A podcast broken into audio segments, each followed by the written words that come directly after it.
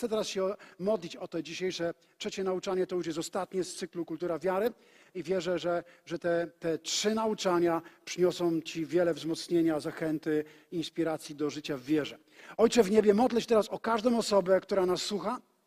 Modlę się o siebie, modlę się, abyś uczył nas chodzić w wierze, abyś nas uczył chodzić, Panie, w Twojej obecności, abyś nas uczył chodzić w Twojej bliskości, Ojcze. I Panie, modlę się dzisiaj, abyś rozpalił w naszych sercach głód, abyś rozpalił w naszych sercach jeszcze większy głód Boga, abyś rozpalił w naszych sercach jeszcze większy głód Bożej obecności. Ojcze, Panie, abyśmy mogli, tak jak Ty przeznaczyłeś nas, mogli żyć w wierze. Ojcze, to jest moją modlitwą dla siebie, dla rodziny Shoreline, dla każdej osoby, która nas ogląda przez internet w imieniu Jezusa. Amen. Amen. Pamiętacie, kiedy zaczynaliśmy nasze nauczanie, zaczęliśmy od pewnej historii, która opisywała, opisywała Jezusa razem z uczniami na jeziorze w czasie burzy. Pamiętacie to nauczanie? To było pierwsze e, tytuł tego kazania Sprawiedliwy z wiary żyć będzie.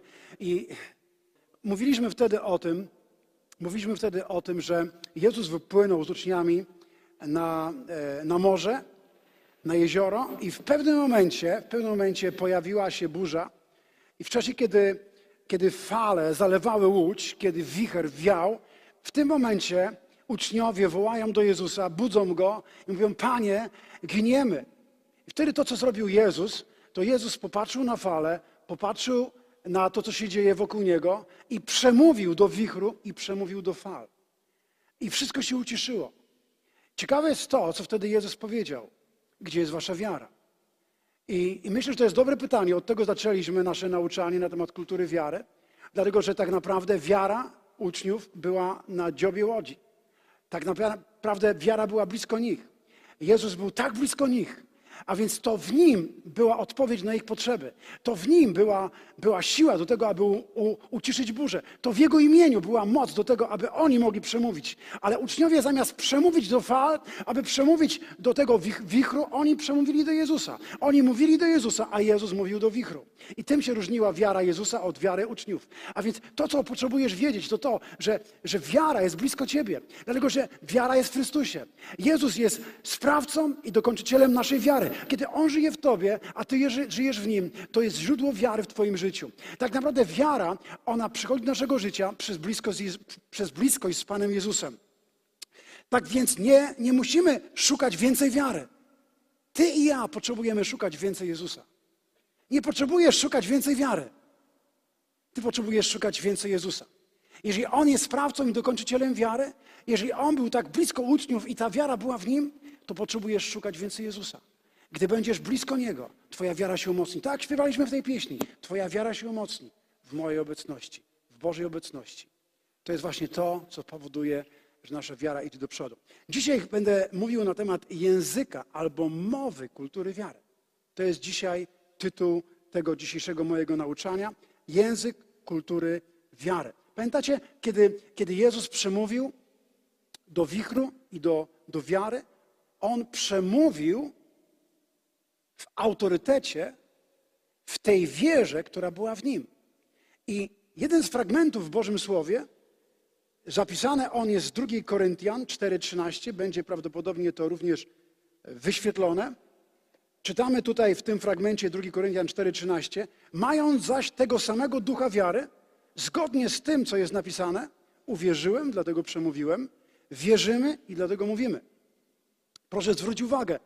Paweł mówi, mając tego samego ducha wiary. Tego samego, tego samego kto? Tego samego, którego miał Jezus. Jezus mówi, jeżeli mamy tego samego ducha wiary, który był w Chrystusie, to możemy mówić do fal, możemy mówić do okoliczności i one się zmienią. A więc to jest ważne, żebyśmy zrozumieli, że Bóg tego samego ducha wiary, który był w Jezusie, dał nam. Ten sam Duch Święty, który był w nim, ten sam Duch wiary jest w nas. Dlatego, że wiara pochodzi od Jezusa. Jezus, kiedy wyszedł z wody Jordanu, został napełniony Duchem Świętym i został wypełniony Duchem wiary. Ten sam Duch wiary nas napełnił, kiedy zostałeś ochrzczony Duchem Świętym, a jeżeli nie, to potrzebujesz o to się modlić. Jeżeli zostałeś ochrzczony Duchem, Duchem Świętym, masz Ducha wiary. Tego samego, który miał Jezus. I tak jak Jezus mógł mówić do wiatru, mógł mówić do wichury, mógł mówić do okoliczności i rzeczy, które są wokół Niego. On mógł zmieniać te rzeczy przez to, co mówi. My często wypowiadamy, wypowiadamy to, co widzimy, ale tak naprawdę Bóg chce, abyś mówił do rzeczy, które widzisz, aby one mogły się zmienić. I tak postępował Jezus. A Więc mając tego samego ducha wiary, mówimy, dlatego że wierzymy. I ten fragment mówi z 2 Koryntian, uwierzyłem i dlatego wierzymy i dlatego mówimy. A więc jedną z pierwszych rzeczy, która ma miejsce w naszym życiu, kiedy nawracamy się do Boga, kiedy przyjmujemy, przyjmujemy Chrystusa, to jest zmiana w naszej mowie. To jest pierwsza rzecz, która zazwyczaj ma miejsce, gdy przyjmujemy wiarę, gdy przyjmujemy Chrystusa, gdy przyjmujemy Ducha Świętego. To, co Bóg zmienia, to zmienia naszą mowę. Kiedy ja nawróciłem się, to jedną z rzeczy, którą Bóg zmienił w moim życiu, to zmienił mój język. Kiedyś wcześniej, zanim poznałem Jezusa, dość często klnąłem. Można powiedzieć, że mój język nie był zbyt, y, zbyt ładny.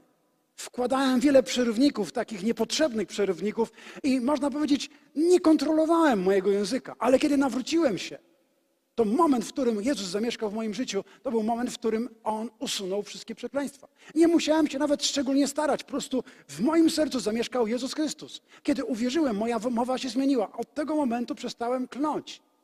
I tak to już 35 lat, jak ani razu nie zakląłem. Możesz uwierzyć lub nie. Możesz spytać moich bliskich, ale ani razu nie zakląłem od 35 lat. Jak to możliwe? Dlatego, że Jezus tam zamieszkał. On zmienił mój język. Ale tak naprawdę, kiedy przestajesz klnąć po tym, jak uwierzyłeś w Pana Jezusa, kiedy przyjąłeś do swojego serca Zbawiciela, to tak naprawdę to, to jest dopiero początek. To jest dopiero, to, są, to jest takie przedszkole w mówieniu. Jest ciekawe miejsce, pochod- pochodzi ono z pierwszego listu do Koryntian, 13 rozdział, pierwszy werset, gdzie apostoł Paweł mówi, że kiedy byłem dziecięciem, mówiłem jak dziecko, myślałem jak dziecko i rozumiałem jak dziecko. Gdy stałem się mężczyzną, zaniechałem dziecięcych spraw. Apostoł Paweł mówi tutaj o pewnym okresie, w którym był na początku, kiedy, kiedy był e, duchowym niemowlęciem. Tak naprawdę to słowo, gdy byłem dziecięciem, to jest słowo z greki, które w Grece brzmi nepios, co nie wiem, czy to dobrze wypowiadam, ale to określenie mówi o okresie niemowlęcym, o dziecku w okresie niemowlęctwa. Paideo mówi o dziecku, które już jest trochę starsze, a heios to mówi już o dojrzałym synu. A więc apostoł Paweł mówi o okresie, kiedy był niemowlęciem. Kiedy, kiedy jesteś niemowlęciem duchowym, kiedy przyjmujesz Jezusa, jedną z pierwszych rzeczy, która się zmienia, to zmienia się twój język. Ale zazwyczaj przestajesz mówić pewne rzeczy, przestajesz przyzmy- przestajesz mówić pewne rzeczy, które są niewłaściwe. Natomiast kiedy zaczynasz wzrastać, to Bóg prowadzi cię do pewnej dojrzałości w mówieniu. I tym, tą dojrzałością jest wypowiadanie słowa wiary w każdej okoliczności i w każdej sytuacji, bez względu na to, co się dzieje w Twoim życiu. I kiedy stajesz się dojrzałym człowiekiem, to Ty nie mówisz w oparciu o to, co widzisz, ale Ty wypowiadasz słowa, aby zmieniać i kształtować, kreować to wszystko, co jest wokół, wokół Ciebie w Twoim życiu. Dlatego też Słowo Boże mówi, kiedy byłem dziecięciem, mówiłem jak dziecko, myślałem jak dziecko i to ostatni fragment mówi decydowałem jak dziecko. To słowo rozumowałem, to tak naprawdę mówi o decydowaniu. Decydowałem jak dziecko, ale kiedy stałem się dojrzały, kiedy doszedłem do miejsca dojrzałości, ja zaniechałem tego, co dziecięce.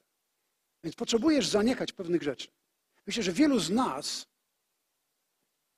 potrzebują przyjrzeć się swojej mowie i sprawdzić, czy nasz język, czy nasza mowa jest mową Królestwa Bożego. Czy mówimy w taki sposób, jak Jezus mówił? Czy, czy nasz język jest taki, o jaki Bogu chodzi, abyśmy używali go, stosowali i, i wypowiadali? Pamiętam, jak któregoś dnia przyjechała do nas wiruszka. To był taki szczególny okres, kiedy ona miała 3 lata. Myślę, że w tym czasie dzieci e, bardzo fajnie zaczynają mówić i e, nie wiem w jakim wieku jest teraz, chyba 4 lata ma Jeremiasz, tak?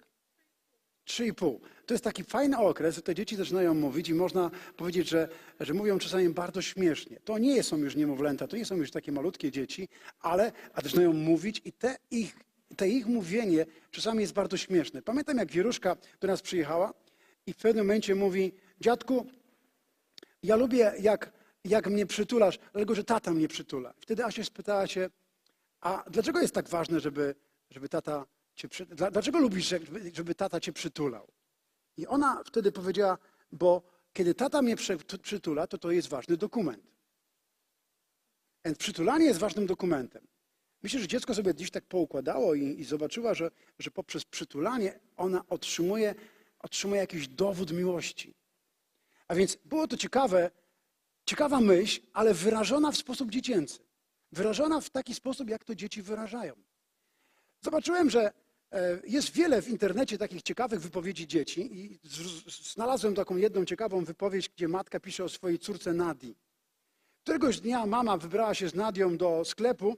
No jak to dzieci, Nadia zaczęła coś wyciągać z półki i mama mówi do Nadii, Nadiu, odłóż to, to jest krem dla kobiet w ciąży, nie potrzebuję tego. I wtedy Nadia mówi, w ciąży? "E, No to takie, które się spodziewają dziecka. Wtedy Nadia popatrzyła na mamę, to ty się mnie nie spodziewasz? Ta sama Nadia któregoś dnia siedziała w bezruchu i nic nie mówiła. Mama się nie zaniepokoiła, dlatego że to jest dziwne zachowanie dla trzylatki, że tak siedzi i nic nie mówi. I pyta, co ona robi? A wtedy Nadia odpowiedziała, bawię się w babcię Helenkę. Wtedy mama mówi, no ale babcia Helenka już nie żyje. Wtedy Nadia popatrzyła na mamę, dlatego nic nie mówię i nic nie robię. Oczywiście to, to jest jeden z tych czarnych humorów, czarnych żartów, ale myślę, że wiele razy nasze mówienie jest podobne. Kiedy byłem dziecięciem, mówiłem jak dziecię, myślałem jak dziecię i decydowałem jak dziecię. Ale kiedy dorosłem na męża, to stałem się już dojrzały, zaniechałem pewnych rzeczy. Myślę, że potrzebujemy zaniechać takiego dziecięcego mówienia. Musimy mówić we właściwy sposób. Musimy zacząć wypowiadać właściwe rzeczy. Takie, jakie Bóg chce, abyśmy wypowiadali. I mam pewną historię, którą dzisiaj chciałbym przeczytać wam. E, O niej już mówiłem w tamtym tygodniu, albo zapowiedziałem ją. Jest to historia dwunastu wywiadowców, których Bóg wysłał do Kanaanu. Jest to bardzo ciekawa historia i na przykładzie tych wywiadowców chciałbym, żebyśmy zobaczyli różnicę między kulturą wiary a kulturą niewiary. Przyjrzymy się, jak wygląda kultura niewiary i zobaczymy, jak wygląda kultura wiary, to znaczy, jaki jest język kultury niewiary język kultury wiary. I również, jaka jest Boża reakcja na te dwie kultury. Możliwe, że odnajdziesz siebie w którejś z tych dwóch grup ludzi. A więc zobaczmy Księga Liczb, inaczej czwarta Księga Mojżeszowa. Będziemy czytali rozdział 13 i w tym fragmencie czytamy, że Bóg przemówił do Mojżesza i powiedział mu, aby wysłał zwiadowców do Kanaanu, aby obejrzeli ziemię, którą zamierza dać synom Izraela. W związku z tym, zgodnie z poleceniem Pana, Mojżesz wysłał zwiadowców na pustynię Pan, Paran. Wszyscy posłańcy byli naczelnikami wśród Izraelitów. To jest bardzo ciekawe, co tutaj na początku tej historii czytamy, że Bóg wysłał albo kazał wysłać liderów. Naczelnicy rodów to byli liderzy.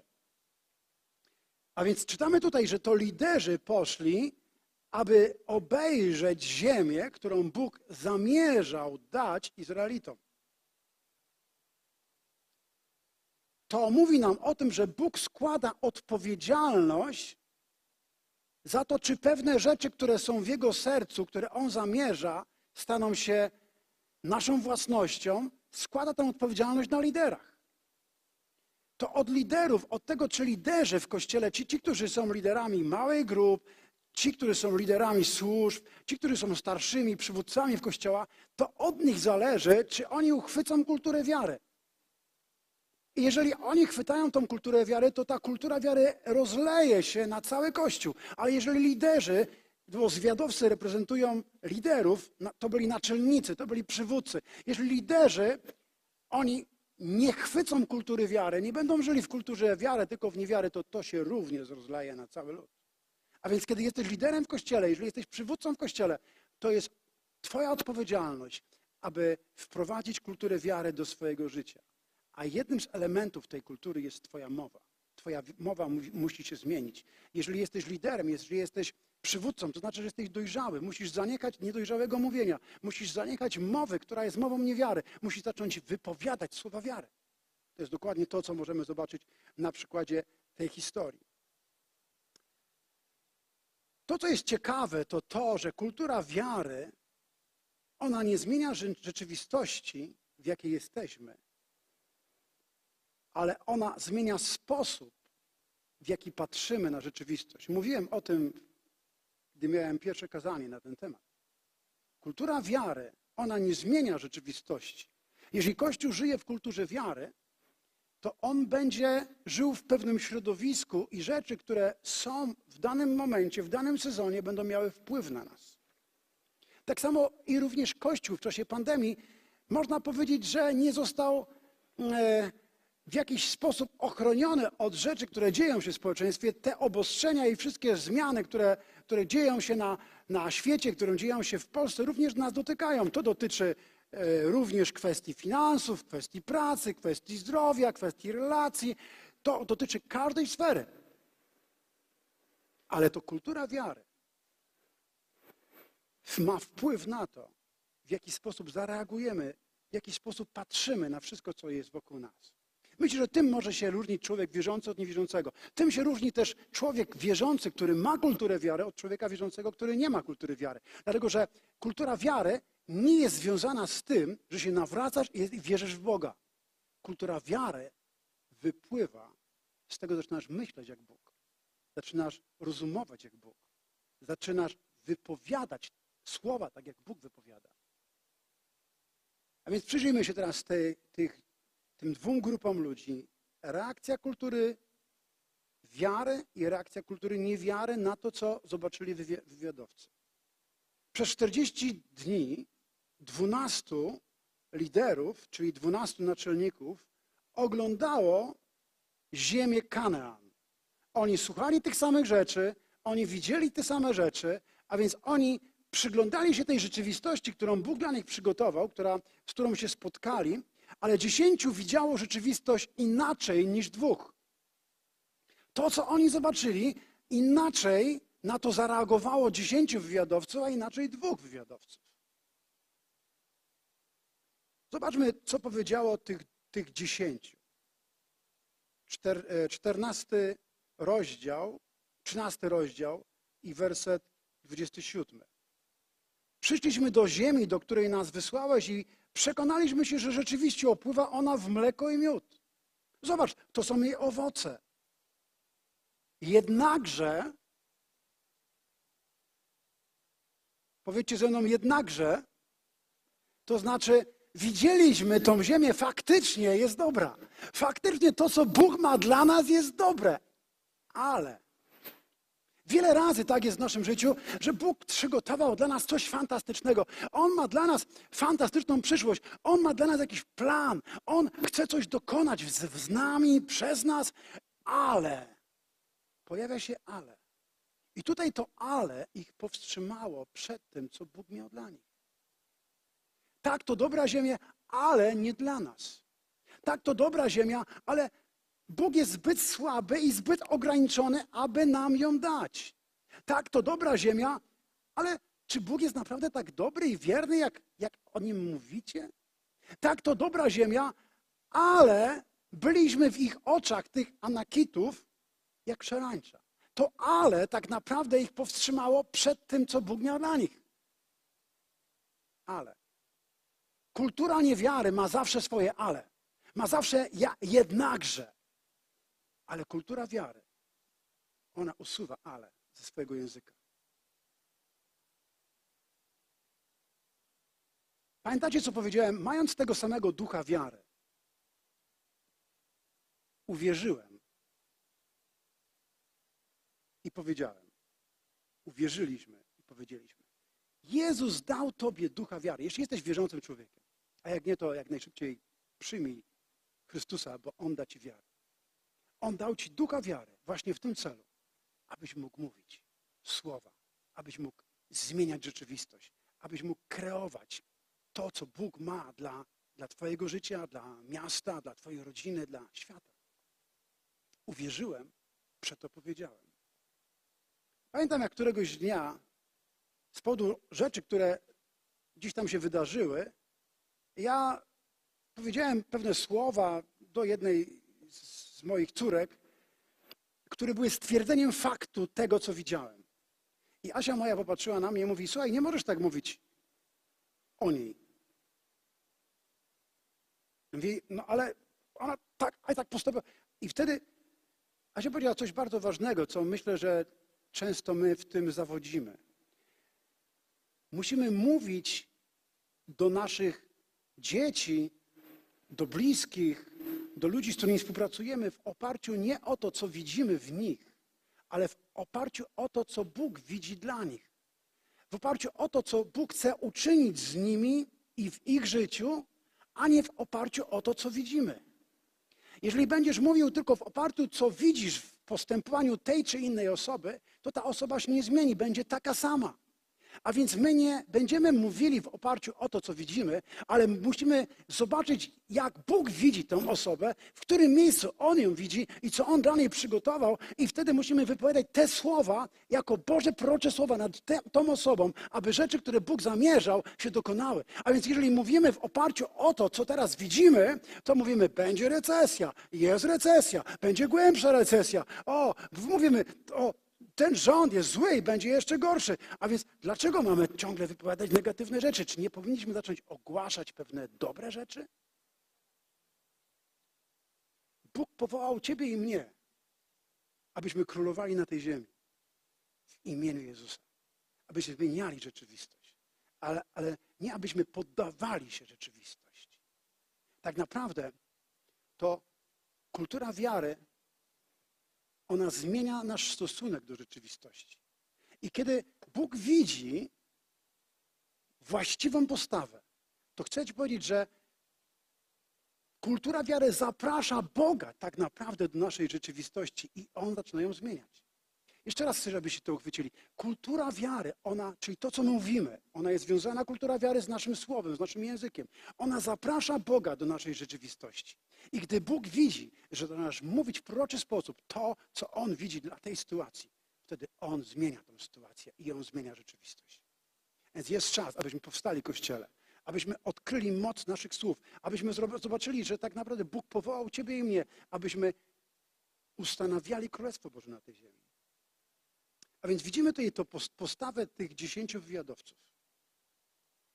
30 werset mówi tak, że potem jak przyszli i jak powiedzieli swoje ale, na tę wieść wszyscy ludzie oburzyli się na Mojżesza.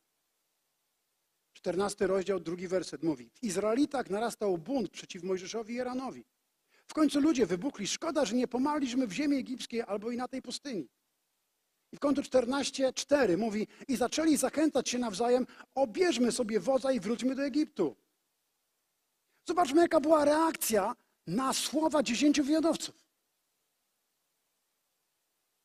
Czy oni mówili coś przeciwko Mojżeszowi i krytykowali go? Nie. A mimo to czytamy tutaj, że ludzie oburzyli się na Mojżesza.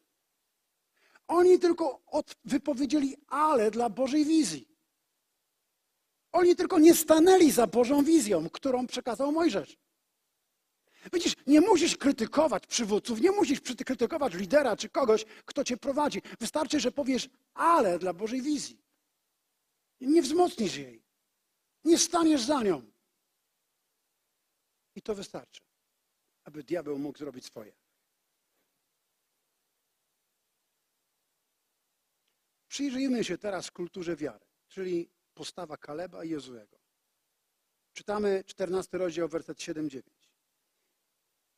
I powiedzieli wobec wszystkich zgromadzonych, Kaleb i Jozue, ziemia, przez którą przeszliśmy i którą zbadaliśmy, jest ziemią nadzwyczaj dobrą. Co do tego się jedni i drudzy zgadzali, tak? Tych dziesięciu i tych dwóch mówi, tak, to dobra ziemia. O, mlekiem i, i e, e, mlekiem i miodem płynąca. Ale zobaczcie różnicę. Jeśli Pan upodobał nas sobie, to nas do niej wprowadzi. On nam da tę ziemię opływającą w mleko i miód. Tylko nie buntujcie się przeciwko Panu. Nie bójcie się mieszkańców tej ziemi. Tak padną naszym łupem. Nie mają osłony. Z nami jest zaś Pan. Nie bójcie się ich. To jest brzmienie kultury wiary. Tak brzmi kultura wiary. Widzisz, kultura wiary mówi, Bóg ma w nas upodobanie, bo Bóg nam okazał łaskę. Oni mówili, że Bóg ma w nas upodobanie i okazał nam łaskę. Kiedy to się stało? Kiedy wyprowadził ich z Eg- Egiptu. Kiedy rozdzielił Morze Czerwone. Kiedy czynił cuda i, i plagi różne były w Egipcie, ale żadna z nich nie dotknęła Bożego ludu. Bóg ma w nas upodobanie.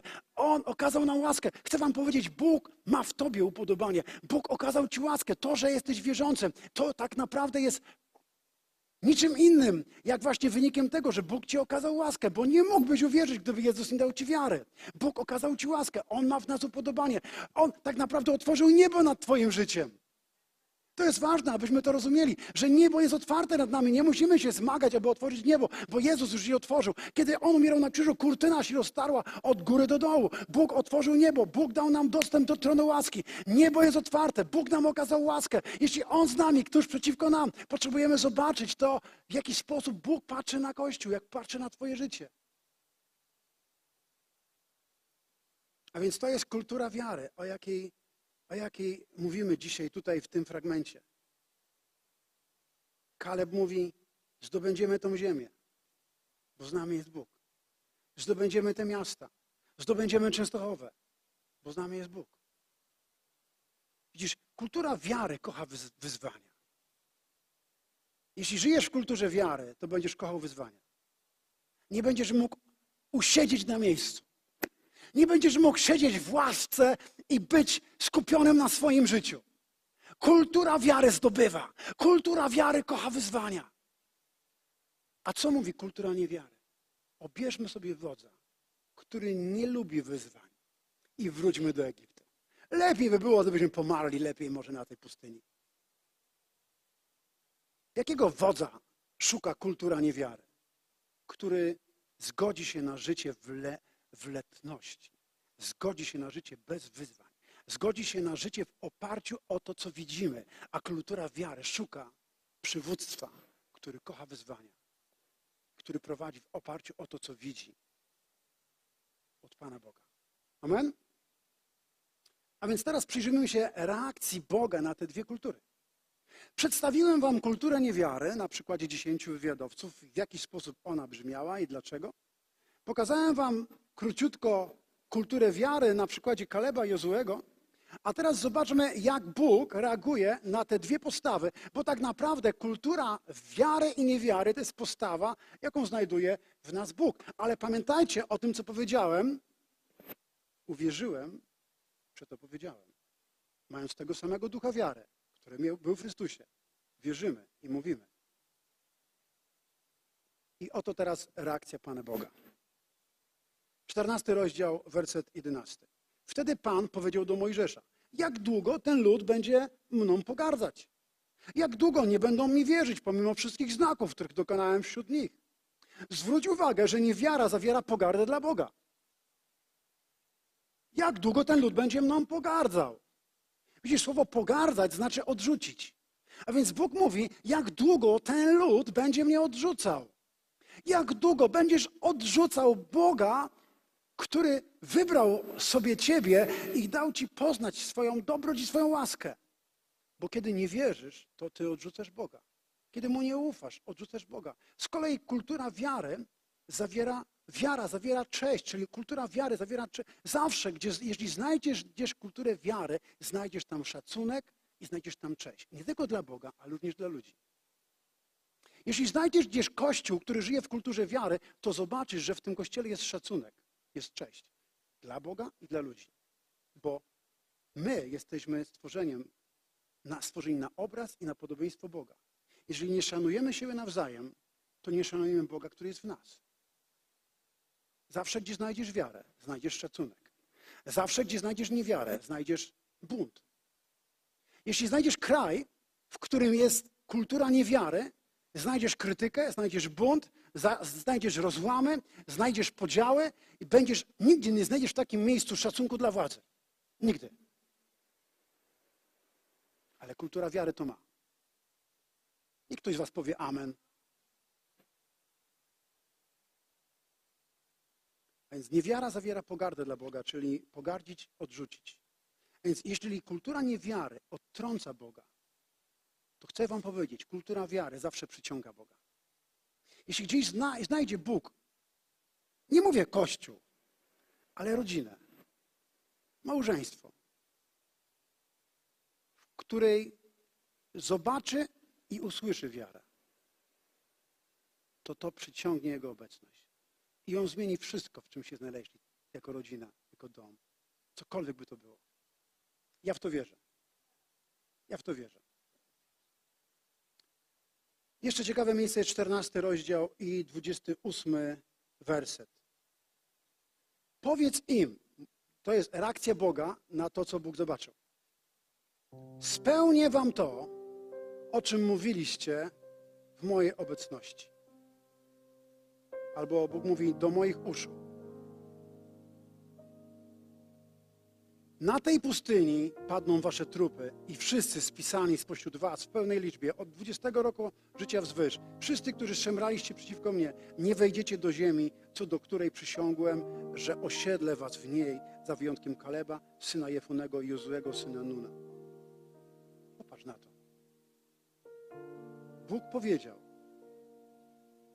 nie wejdziecie do ziemi, którą przysiągłem, że osiedlę was w niej.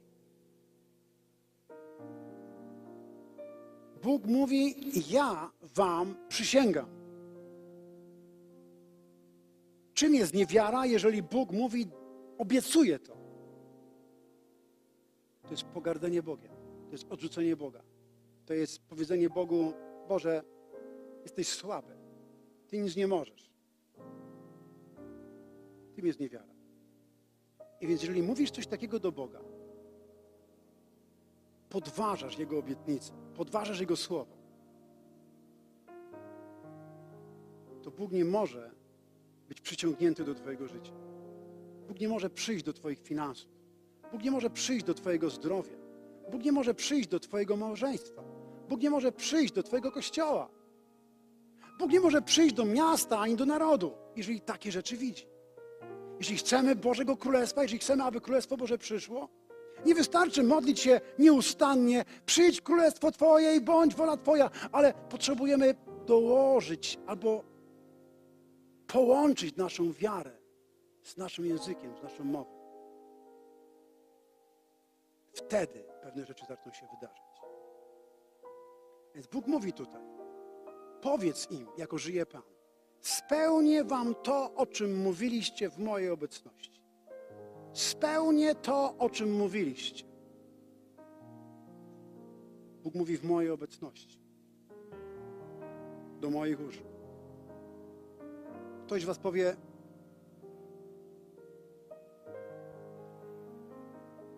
czy chcesz mi powiedzieć, że Bóg słyszał to, co ja mówiłem do mojej żony, kiedy nikt nie widział? Czy chcesz powiedzieć, że to, co ty mówiłeś o liderze, albo o pastorze, albo o kimś z przywódców, Bóg to słyszał? Tak. A czy chcesz powiedzieć, że Bóg słyszał to, co mówiłeś do samego siebie, kiedy jechałeś samochodem, albo byłeś w lesie na spacerze? Tak. Wszystko, co mówisz, mówisz do Jego uszu.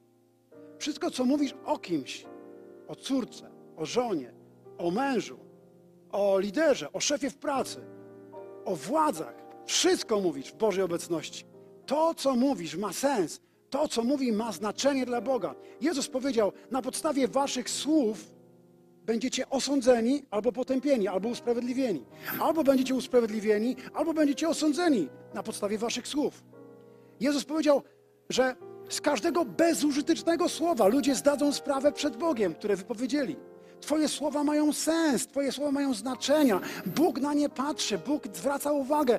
To, co słyszy, to, co widzi, na to odpowie. Potrzebujesz to zmienić, bo kiedy byłem dziecięciem, mogłem sobie tak mówić. Mogłem się zadowolić tylko tym, że już nie klę. Ale teraz już jest czas, aby dojrzeć. Jest czas, Kościele, aby dorosnąć. Jest czas, aby pójść dalej. Musimy zmienić swój, swój język. Musimy zacząć mówić w taki sposób, jaki mówi duch wiary.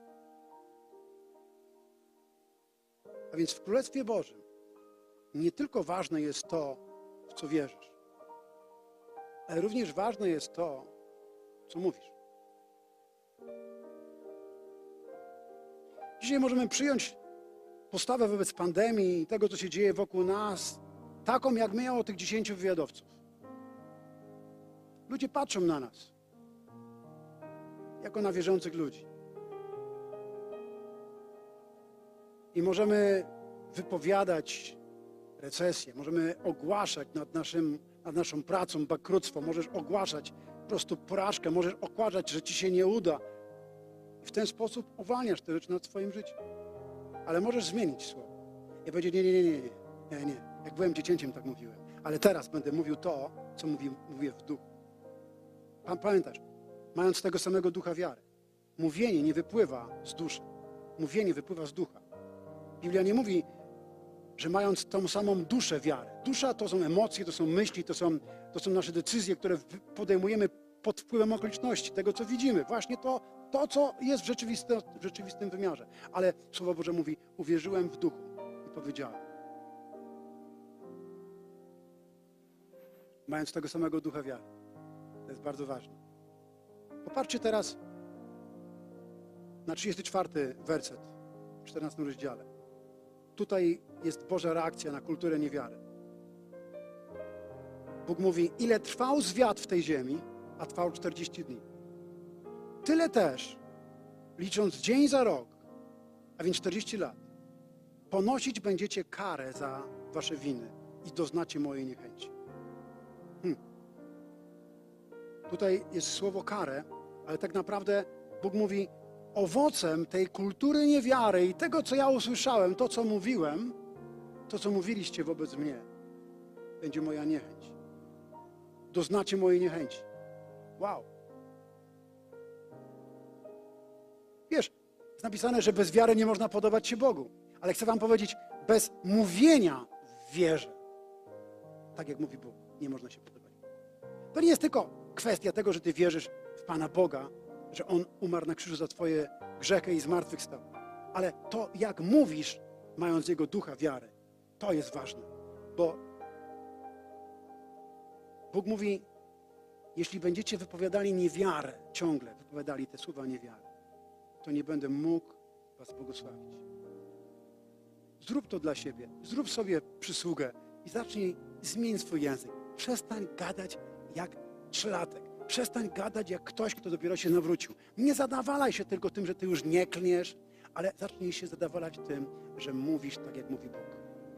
Amen? To jest bardzo ważne. A więc w tych czasach potrzebujemy przyjąć taką postawę jak Kaleb i Jozue wobec rzeczy, które są wokół nas i powiedzieć, nie bójcie się, z nami jest Pan. On ma w nas upodobanie. Jeśli Bóg jest z nami, to któż przeciwko nam? To jest postawa, którą Bóg oczekuje od nas dzisiaj. Widzisz, to czy teraz Bóg ukształtuje w nas kulturę wiary, będzie miało wpływ na to, jak będzie wyglądał Kościół po pandemii, która się skończy. Będzie miało wpływ na to, jak ty będziesz funkcjonował w biznesie, w rodzinie, w służbie, w kościele, w wielu różnych innych rzeczach. Czy wejdziesz do ziemi obiecanej? Czy wejdziesz do tego wymiaru, który Bóg ma dla ciebie, czy nie? Więc widzisz, kultura niewiary uwalnia niechęć Boga i zatrzymuje nas na pustyni. Bo Bóg tutaj powiedział, że tyle, ile byliście na zwiadach, to tyle lat będziecie doznawać mojej niechęci. Na czym polegała niechęć Boga? Ta niechęć polegała na tym, że Bóg nie mógł ich wprowadzić do ziemi obiecanej, nie mógł wprowadzić do wymiaru życia w królestwie. Spędzili po prostu całe jedno pokolenie na pustyni. Ja nie chcę, nie chcę spędzić resztę swojego życia na pustyni. Nie chcę żyć na takiej duchowej pustyni. Chcę wejść do tego, co Bóg ma dla mnie. Chcę wejść do Bożego Królestwa. Chcę wejść do tego wymiaru, który Bóg przygotował dla mnie. Gdyż kultura wiary uwalnia Boże upodobanie i wprowadza nas do ziemi obiecanej. Wprowadza nas do Królestwa Bożego. Tym jest kultura wiary. I to jest dokładnie to, co Bóg chce ustanowić w Twoim i w moim życiu, w Kościele, w mieście, w narodzie. Wstaniemy teraz. Chciałem, żebyśmy się modlili. Tutaj na miejscu mam na myśli, wstaniemy.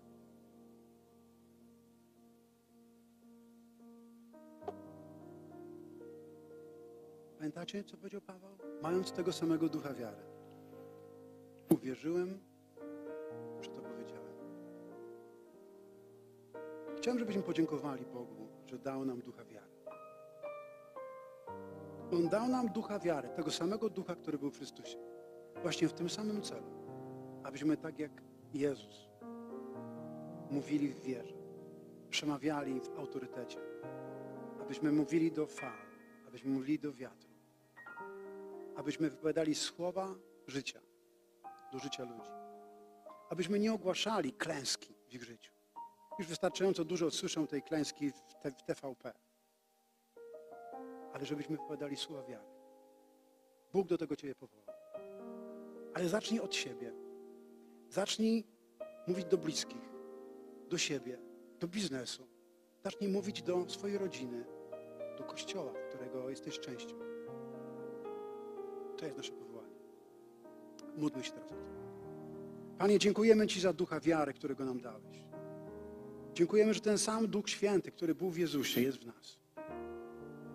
Ten sam, ten sam Duch Święty, który sprawiał, że Jezus mógł przenosić góry, mógł uzdrawiać, mógł pomnażać jedzenie.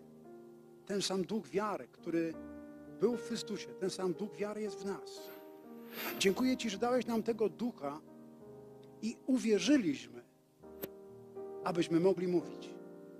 Abyśmy przestali mówić jak dzieci, ale zaczęli mówić jak dojrzali ludzie. Panie, szczególnie w tych czasach potrzebujemy Kościoła, który mówi w dojrzały sposób, który wypowiada słowa wiary, który żyje w kulturze wiary i mówi językiem wiary. Ojcze, o to się modlę dzisiaj dla siebie, dla naszego Kościoła i również dla tych wszystkich, którzy nas słuchają przez internet. Panie, modlę się, aby zaniechali takiej dziecięcej, niemowlęcej mowy, ale żeby zaczęli żyć w wierze, aby zaczęli im wypowiadać, każda osoba zaczęła wypowiadać słowa wiary, tak jak Kaleb Jozue. Panie, ogłaszam to, że Ty jesteś z nami, a jeśli Ty z nami, to któż przeciwko nam? Panie, dziękuję Ci, że niebo jest otwarte. Dziękuję Ci, że Ty dajesz nam łaskę życia w Twoim Królestwie. Modlę się o każdą osobę, która nas oglądała albo która nas słuchała dzisiaj, aby mogła tego doświadczać w swoim życiu każdego dnia. W imieniu Jezusa. Amen. Amen. Alleluja. Stojąc, stojąc, chciałem, żebyście pozostali jeszcze przez chwilę. Tak jak jakiś czas temu Bóg mi powiedział, aby wypowiadać błogosławieństwo w imieniu Jezusa, tak zanim zacznie, zakończymy nasze nabożeństwo, chcę wypowiedzieć to błogosławieństwo, które Pan polecił Mojżeszowi, aby wypowiadać nad Bożym ludem. Je, jeżeli nie należysz do Bożego ludu, chcę też Ci powiedzieć, w jaki sposób możesz do Niego należeć, jaki sposób możesz się do Niego przyłączyć. Jezus powiedział tak, ten, kto mnie wyzna przed ludźmi, tego ja wyznam przed Ojcem moim i aniołami Bożymi. Biblia mówi, że On do swojej własności przyszedł, ale swoi Go nie przyjęli. Ci, którzy Go przyjęli, dostali prawo, aby nazywać się dziećmi Bożymi. Więc kiedy przyjmujesz Jezusa, jesteś, stajesz się częścią ludu Bożego, częścią Kościoła, powszechnego Kościoła. Nie rzymskokatolickiego, ani jakiegoś protestanckiego, ale częścią Kościoła Jezusa, za które On zapłacił największą cenę. Więc możesz przyjąć Jezusa dzisiaj. Zaprosić Go do swojego serca. W ten sposób On będzie mógł rozpocząć nowy okres w Twoim życiu i zacznie Cię błogosławić. Da Ci też ducha wiary, abyś mógł wypowiadać słowa wiary. A teraz chcę zakończyć tym błogosławieństwem, które jest w Bożym Słowie. Bóg powiedział do Mojżesza, synów Izraela będziecie błogosławili w taki sposób. Dzisiaj my jesteśmy też duchowym Izraelem. Też. Nie powiedziałem, że Izrael już nie jest Bożym wybranym narodem, ale my jesteśmy też Bożym ludem przez wiarę w Jezusa. I Bóg mówi, że nad Bożym ludem będziecie wzywali mojego imienia, a ja będę wam błogosławił. To imię, które Bóg nam dał, które przewyższa wszystko, imię, które jest ponad wszelkim imieniem, to jest imię Jezus. I w tym imieniu chcę was błogosławić. Niechaj Ci błogosławi Jezus i niechaj Cię strzeże. Niech Jezus rozjaśni nad Tobą swoją twarz i niech przychylny Ci będzie. Niech ku Tobie skieruje Jezus swój wzrok i niech zawsze darzy Cię pokojem. Błogosławię Cię w imię Ojca, Jezusa Chrystusa i Ducha Świętego.